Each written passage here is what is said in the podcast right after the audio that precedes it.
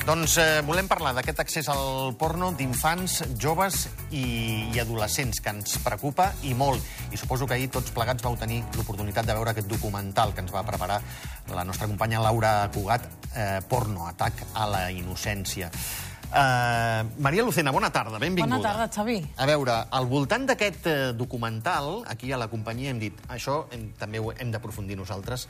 Exacte. I tu has sortit al carrer Que és el que m'agrada a mi. Per preguntar a la gent eh, entorn a aquest tema que es va parlar ahir, el porno, l'accés que tenen des de, des de tan petits, dades que després aquí els, els, els convidats comentaran. I sobretot també saber quines solucions creuen que hi ha per solventar tota aquesta problemàtica que al final està afectant a molta gent. Mm -hmm. Abans d'anar a aquestes declaracions al carrer, us presento a l'Edgar Martos. Edgar, bona tarda, benvingut. Molt bona tarda, Xavi. Psicopedagog. Eh, imagino que una de les coses que a la consulta també doncs, eh, n'has de parlar. Sí, ens hi trobem. Sovint? Doncs sovint, i també relacionat amb altres continguts, no només amb pornografia. És l'accés que tenen desmesurat de vegades sense control i aquest és un tema prou important perquè està present en unes edats on el desfàs per poder-ho comprendre i per després poder funcionar eh, destilota molt. I al mateix temps eh, els pares no se n'assabenten. Mm -hmm. Laura, he vist que... Laura Cugat, bona tarda, benvinguda. Hola, bona tarda. I gràcies per estar aquí amb nosaltres. Uh, he vist que senties quan uh, l'Edgar deia uh, això de l'accés al, al porno. T'hi has trobat a l'hora de fer el documental. Exacte. És que una mica el, el problema que hi ha per tot plegat és que aquest accés uh, cada vegada és uh, més elevat i sobretot amb edats més primerenques. Aleshores, el fet de no tenir ben regulat aquest accés o de que els propis pares a vegades no saben com controlar-ho fa que, que, que també els adolescents, en cada cop més joves, doncs puguin accedir-hi i a vegades reben continguts pornogràfics molt violents de forma indirecta. Vull dir que l'abast del problema realment eh, és, és important. Un programa, eh, que m'estan renyant. Un programa al voltant del, del porno, més que un documental. Eh, tu tens un document, també, exacte, del carrer. Exacte. Justament sobre, sobre aquesta, aquesta problemàtica de l'edat primerenca eh, hem preguntat eh, a gent que ens ha trobat aquest matí pel carrer què pensaven, com deia abans, quines solucions troben i sobretot si, és aquest, si el que s'ha de regular és aquest accés o si s'han de fer assignatures a, a classe o si s'ha de parlar des de casa. Ho veiem. Yo creo que es, a los 10 es, es muy, muy temprano todavía. Eh, más 12, 14, mm, ahí ya, yo creo ya saben lo que es. No sé al final si és bueno o no és. No, no, no ho trobo normal ni, ni adequat a aquestes edats. I per res del món vaig començar a aquesta edat. De fet, no, és una que no... Jo tinc tres filles i tenen 7 anys la gran i dubto que, almenys en el meu cas, que pugui accedir al porno en els propers dos anys. Eh, són els pares realment que tenen que controlar més el, el tema el tema dels telèfons, bueno, de tot lo que, lo que está pasando realmente. Es imposible controlar todos los dispositivos. Y lo sabemos porque tenemos también tres hijos, o sea, es, es imposible. Al final tienen, van a tener acceso y es todo un tema de educación, o sea, al 99%. La única manera és sacar el internet. És l'única manera de regular. Una assignatura podríem posar-la, però bueno, una cosa vols dir que té alguna que veure amb l'altra, perquè si volen mirar tot això, aquestes coses, jo no sé si a casa... Jo penso que que més a casa que a les escoles. Fundamental el treball a casa. És a dir, eh, el que els hi diu la, els seus pares, com els crien, com els eduquen. Espero que la meva filla tingui suficient confiança com per poder-m'ho preguntar a mi. Per això treballo jo una mica a casa. Diferents qüestions que podem posar sobre la taula, perquè déu nhi tot el que li han contestat a la, a la Maria Edgar al, al carrer, perquè, clar, edats primerenques, eh, diuen que el primer contacte amb el porno és als 8 anys, cosa que ho sento molt, ho he de dir així, a mi m'escandalitza. Que als 11 ja és, vaja, pràcticament normal, i als 14 ja és eh, totalment eh, generalitzat aquest consum de, de porno. Però han sortit els pares i l'educació, també. Sí. No estem parlant només de que es tracti del sexe, sinó que estem parlant de pornografia, fora de tot context. I tampoc s'enllaça el quan ells poden veure aquestes imatges o aquests vídeos i poden accedir i els hi arriben sense, millor, buscar-ho també d'algunes vegades, mm, a la comprensió de que primer hi ha una relació, hi ha un vincle, hi ha certs passos que allà no estan esmentats, que és un, un contingut fabricat per adults que busquen algo molt concret i que ja tenen un bagatge i no tenen per què cuidar les maneres, no? Tot això porta a molta confusió. Hi ha una mare que ha comentat Sí, m'està- m'estàs dient, perdona, ab- abans d'això, Sí. de- deixa'm que t'interrompi, m'estàs dient que eh, si jo sóc un, un nen puc pensar que fer l'amor és allò que eh, estic Exacte. veient a la pantalla, eh? Exacte. Doncs una cosa és pornografia, l'altra és l'educació sexual, el que és el sexe, i, i un, per sobre d'un nivell hi hauria una altra capa, que és que això va després d'un vincle amb una altra persona, d'una relació, d'un moment adequat, de tot un procés eh, en el que, doncs, sí, i, i contextualitzat, forma part d'algo que és ben natural i ben normal. Però fora d'aquell context, en una edat inadequada, sense potser, com comentava aquesta mare, espero que tingui la confiança per dir-me. Sí, però no només podem esperar això. A lo millor hem de pensar si els hi arribarà aquesta informació, no hi comptàvem o no és el que passava abans, però potser també hem d'avançar el moment en el que, en el temps, no? en el que començar a parlar d'aquestes coses, previndre-ho. Això potser és una cosa que, que espanta, perquè també m'he trobat que algunes de les persones amb les que estava parlant em deien és que si ets un nen d'11 anys, de 8 anys, et parlen a l'escola directament de sexe, potser t'escandalitza. Però jo no sé fins quin punt o com s'ha de regular això, no sé si al documental ahir en veu parlar. Doncs bé, uh, realment aquest és un tema que, que ha sorgit en, en diverses de les entrevistes que vam fer per, per aquest programa i, i el que em comentaven, per exemple, dues psicòlogues del SAS és que hem de deixar de tractar la sexoafectivitat com un tabú i que s'ha de tractar des de que són petitets, inclús des de maternal, però amb continguts adaptats a cada edat. Per exemple, elles em deien no pot ser que amb nens de maternal i de primera ensenyança parlem de totes les parts del cos, però la part dels genitals la passem molt per sobre, no l'expliquem bé, perquè hi ha aquest tema tabú. Però després ens trobem amb l'adolescència que els nanos doncs, han de saber i tu els has d'explicar quines, quines vies de protecció uh, hi han. Aleshores passem de do, dos extrems diferents i el que, el que parlàvem en el marc del programa és una, amb un abordatge molt més complet de la sexoafectivitat, amb edats cada cop també més primerenques i sobretot, eh, un cop arriba a l'adolescència, no només parlar de, en, en el programa ho dèiem, no? de, de com es posa el condó, sinó realment abordar um, moltes altres qüestions com que no només hi ha la penetració, en el cas de la sexoafectivitat hi ha moltes altres maneres de gaudir, que centrar-ho també en el plaer de la dona, que és un tema que tampoc no s'està tocant suficientment, és a dir, hi ha un tema educacional que, que realment eh, té molt a desitjar en aquest sentit. I hi ha moltes escoles que fan tallers i cada cop en fan més, però sí que es percep la sensació per part de professionals i per part dels joves que volen saber-ne més i sobretot d'una forma més progressiva, no tant de cop, uh -huh. i d'una forma més completa. Una forma progressiva, Ed- Edgar, que, mm, clar, jo ho comparteixo, evidentment, eh? però a vegades potser eh, aquest progrés eh, resulta que el nen ha passat pantalla, eh? Resulta mm. que el nen està molt per sobre d'aquest progrés que nosaltres li estem Ens fent. ha avançat per la dreta. Sí. Sí. Tractar-ho en edats primerenques s'ha de contextualitzar s'ha de fer d'una manera progressiva. I hi ha molts pares que en aquest moment tenen por de... I si estem incitant al parlar d'aquestes coses eh, en un moment en què potser precipitem, precipitem alguna que no s'hauria donat o naturalitzem alguna que potser no hagués tingut eh, lloc si eh, passa el temps i no esmentem aquesta qüestió. Però com sabem que aquesta informació els hi arribarà, els hi arribarà d'alguna forma, i si pot ser triangulant, des de l'escola, eh, els pares, bé, no et diré natura naturalitzar-ho, ni eh, ser massa explícits quan són massa jovenets, però sí eh, fer-ho veure per part dels nens com una part d'un conjunt del que eh, ve a ser les relacions humanes i les relacions de parella. Ens trobem amb que eh, després hem de córrer. No, és que de cop eh, ja són adolescents i ara sí tenim pressa, encara que igual si no fos per això tampoc hi haguéssim parlat perquè tothom li pot fer una mica de puro, però ara s'ha de fer per qüestions de prevenció, eh, donar la informació que toca. I doncs, clar, com vindrà l'adolescència inevitablement i la informació la tenen ja, encara que siguin petitets perquè els arriba, i fora d'un context i de maneres molt contundents, eh, sí, s'ha de replantejar el moment en què això eh, s'ha de començar a plantejar, a introduir, a contextualitzar, sobretot contextualitzar.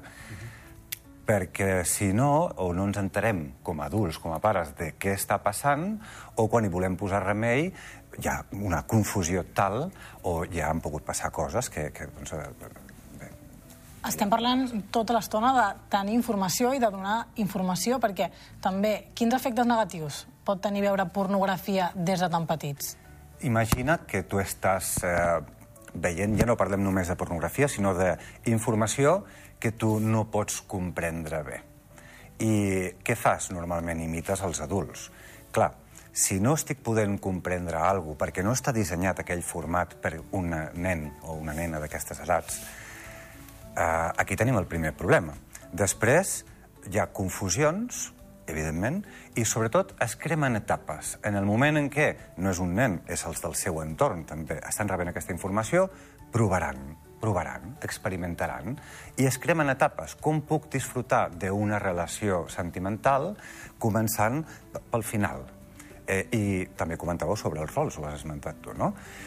És que aquell contingut, llastimosament, sovint està pensat pels homes, majoritàriament, i, i deixa molt de banda i molt que desitjar a l'hora de respectar o tenir un, una mica d'equitat en quant al, al, al tracte o la manera de dur a terme uh, a, aquesta activitat, anem a dir-li, no?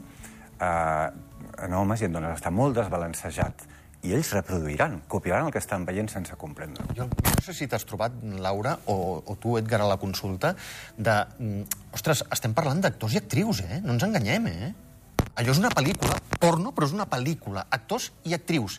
Per què tenim tan clar que tots els dolents de la jungla de, de cristal estan morts, eh? I són actors? Vull dir, no s'ha mort aquell senyor. És un paper que fa... Per què no ho tenim clar, a les pel·lícules porno? Aquí, a, al llarg de fer el programa, també em van comentar que, que al final la indústria del porno una mica també juga amb això, juga amb, amb ser altament addictiva i en què es, també es reprodueixen diferents rols eh, que permet a, a la persona doncs, posar-te en aquella situació. És a dir, és, fa com una mica d'efecte mirall. Això, el, em vaig parlar amb el psiquiatre eh, Lluís Villar de, de la UCA, de l'hospital, i em comentava que el, el, que, el que entra aquí és com un circuit eh, que, que al final tu eh, sents plaer amb allò que estàs veient i aquí entra en joc la dopamina. Aleshores, a través de, de tu sentir plaer amb el que estàs visualitzant, et creus que allò uh, uh, és la realitat. I aquí és el perill de que nens petits o, o adolescents molt adolescents que no tenen encara clara uh, la línia entre el que és ficció o el que és realitat, que el pensament crític potser no el tenen prou consolidat, és aquí on hi ha el perill, perquè les persones adultes tenim aquest, amb aquest background que ens permet destriar el que estem veient, si, si és ètic, no és ètic, si, si, si eh, allò que estem veient doncs, té un alt contingut de violència o no, si és ficció o si és realitat. Quin és el problema? Que amb nanos cada cop més joves aquesta distinció en ficció i realitat s'esveeix. I aquí és on tots els professionals de la salut amb els quals hem pogut parlar per fer el programa em comentaven que és aquí on hi ha el perill. I on, fins i tot, em comentava una psicòloga que una nena de 8 anys al visionar un determinat tipus de pornografia va veure tal eh, quantitat de violència o tal impacte de violència, que recordem el 90% de, de la pornografia mainstream té violència molt, explícita, molt explícita cap a les dones, això li va generar fins i tot un xoc posttraumàtic, perquè aquest impacte de veure violència no el podia digerir. Sí, que estem parlant potser de que hi ha joves de 8, ja no vull dir tan petits, però de 12, 13, 14 anys que veuen aquestes escenes de sexe i pensen que potser eh, aquesta violència és la que han de tenir quan tenen una relació sexual i realment mm, no saben si els agrada fer una pràctica, una altra... No? No hi ha una anàlisi, Exacte. no hi ha una anàlisi. I, i eh, atén a instints primaris, que és la Exacte. diferència amb una pel·lícula. Eh, en principi, una pel·lícula, bueno, és una història, no?, explicada. Podríem també parlar sobre eh, si en les pel·lícules o en les sèries actualment hi ha doncs, moltes drogues presents o els missatges de les, no? que es transmet allà. Si el, els assassinats, la gent que mata, moltes vegades els herois són gent que acaba fent assassinats durant les pel·lícules. Però els adults ho entenem o encara ho excusem com que és, bueno, és una història narrada. Això altre respon a uns instints primaris. I pot generar rebuig, també, igual que comentaves. Aquesta nena eh, que de ben joveneta ho va percebre com a una situació violenta, també la pot marcar i pot després tenir rebuig cap a tot això i perjudicar una vida sexual sana a posteriori. Exacte. Uh, diferents qüestions so- sobre, sobre la taula em, em queden pendents perquè hem de parlar, ni que sigui de, de suïcidi, que la Maria també ha fet, ha fet una feina al, al voltant del, del suïcidi, però sobretot per pares, eh? Mm, Per exemple, com parlar-ne a casa, si hi ha una mena de manual eh? per, per, per treure't aquesta vergonya, no? a vegades, de, com, a, com a pare, de parlar-ne amb els teus fills. En fi, eh, jo crec que en podrem aprofundir el... Si vols fer una pinzellada, perquè et veig la cara de pinzellada. Va. Sí, me l'has vist. uh, evidentment, contextualitzar les coses basant-les en el que ells poden entendre, que és la relació en, en, entre els pares.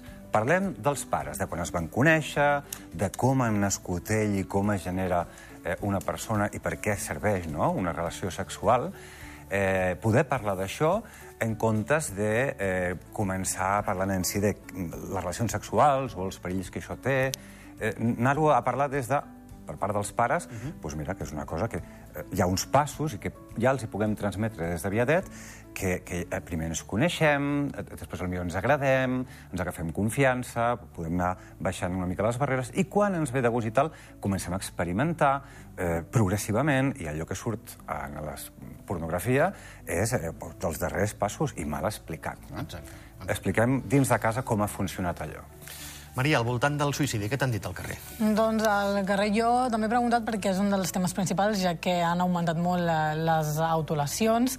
I jo volia saber què en pensava la gent de si, hi ha si es parla suficient de la salut mental, de la depressió, i també doncs, com se senten al respecte. es una auténtica barbaridad. Un tema que hay que tomarse súper en serio y hay que tomar muchísimas medidas. Eh, entiendo que las redes sociales eh, están muy detrás de todo esto. O sea, el, no sé, el intentar conseguir cosas o, o- o el no llegar a cosas que, que parece que todo el mundo puede tener, o sea, creo que es el gran problema y lo que está provocando que, que, bueno, que la gente al final pues no, no encuentre eso, que enseguida se desanime. També tenen molta exposició a les xarxes socials i això també has obert molt a, a patir assetjament des de a tots els àmbits, no només anar a l'escola, sinó que ara en una red social hi ha molt odi, o sigui, és al·lucinant. Tu mires Instagram, mires Twitter i, i la gent com ataca. Al principio tiene que partir de los padres, eh, hablar mucho con los hijos, eh, comentarle los peligros que hay. Ara, tant suïcidi, tampoc s'entén massa, perquè, però és que ha canviat, la societat ha canviat tant, tant, i jo penso que els pares, molts no vull dir tots, eh, que els pares a casa haurien de tenir una mica més de, de cura dels nens. tant de l'escola com des de casa s'hauria de fer una feina per, per evitar tot això, ja sigui amb psicòlegs o, o no sé perquè ho desconec, però sí que és una que s'hauria de posar remei i, i s'hauria de tractar com, com toca. Muchísima educación, muchísimos más profesionales. O sea, creo que es una de las grandes asignaturas pendientes que hay ahora mismo. Conducta per a suïcida. Eh, Edgar, molt clar, molt ras i molt directe. Quin és el llindar entre aquesta conducta per a suïcida i la conducta suïcida? Mm, Jo centraria aquest matís a l'hora de com enfocar en els pares el donar-se compte d'una manera a, a temps no? de què està passant. I hi ha tres elements que s'han de tindre en compte. El primer d'ells és si aquell nen pot estar patint alguna dificultat, té algun tipus d'afecció, això complica la situació.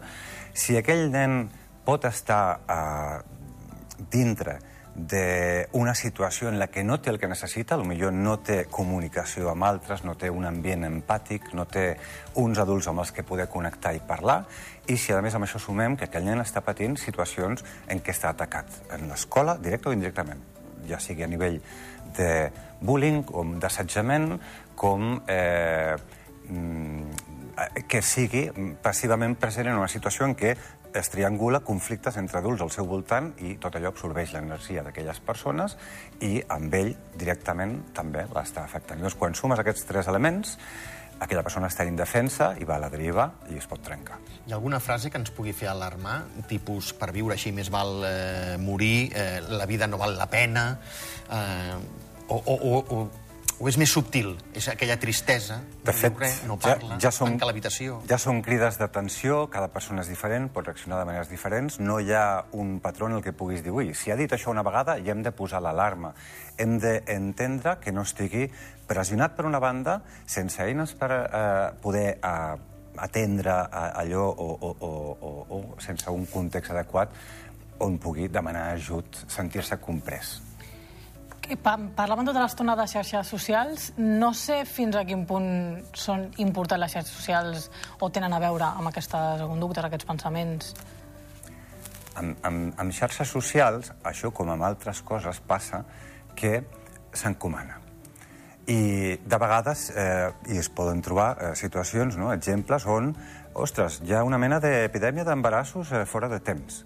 O hi ha una... I doncs són idees que es transmeten també eh, i la gent mimetitza i copia, i si pensem que eh, aquella persona que s'ha suïcidat ha trobat, no? un company d'aquell jove, ha, ha trobat, encara sigui ja un cop mort o després d'un intent, l'atenció de tothom que no ha pogut tindre abans, en aquelles edats tempranes o en aquelles edats de, de, de, juvenils, és fàcil que no trobin cap altra sortida. També. Laura, 30 segons, va. Um, jo crec que uh, també hi té molt a veure les expectatives o la frustració uh, també de, de, del ritme de vida que portem. No? Justament ahir vaig uh, poder entrevistar el Carles Mur, que és el cap de psiquiatria de salut mental, i em comentava que aquests intents de suïcidi, que estan lligats també a un moment molt acusat de les autolesions, que ara comentava la Maria, està lligat, pot estar lligat a trastorns de salut mental, però també a, a, a, a desavinences o amb, amb problemes puntuals, no? Però sí que em comentava que al darrere hi ha un patiment, hi ha una frustració, i que és molt important, eh, que segur que l'Edgar també està d'acord, no? d'anar al fons del problema, que això al final és la punta de l'iceberg. Hem de veure d'on ve aquest patiment, d'on ve aquesta ansietat, aquesta frustració. Laura Cugat, moltíssimes gràcies. Uh, Edgar Martos, moltíssimes gràcies. Gràcies a vosaltres. I Maria Lucena, moltíssimes gràcies. No ha dimecres. Merci.